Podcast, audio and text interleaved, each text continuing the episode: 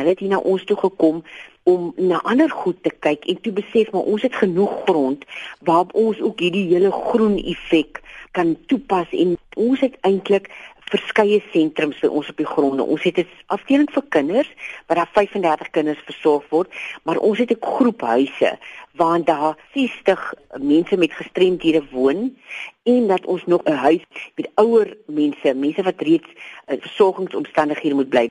So ons gee kos vir ongeveer 150 mense op 'n dag. So in die verlede was ons aangewys om groente te koop by die plaaslike verskaffers en met die tonne wat ons nou het, kan ons in ons eie behoeftes voorsien of sal ons dit kan doen want die goedjies is nou maar net pas in die grond gesit. Wanneer sal julle dit kan begin doen?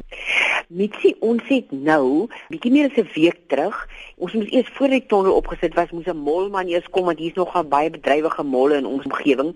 En hulle moes eers uitgeroei word. En toe het hulle die ding kom opsit, daarna moes ons dit skoonmaak binne.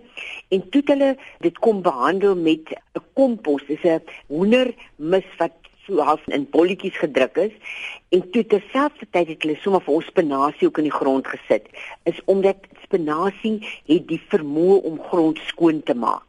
So by die tyd wat ander plante nou geplant word, dan is die grond reeds skoon. So ons sal nou kan oes van hierdie spinasie hier rondom Junie, middel Junie, einde Junie veronderstel ek. Gaan daar enige opleiding betrokke wees vir hierdie mense wat met beperkings leef?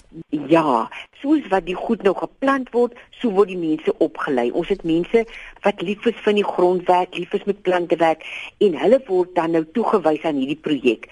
So hulle gaan saam met die mense wat die tonnel installeer het, wat die saad geplant het, sodat hulle sien wat gedoen word en vir hulle word dan ook 'n nou opdrag gegee oor hoe om te werk te gaan om dit verder te ontwikkel om dit standhoudend te hou en wanneer hierdie spinasie nou uitgegroei het, ons geoes het, dan gaan hulle tematies insit.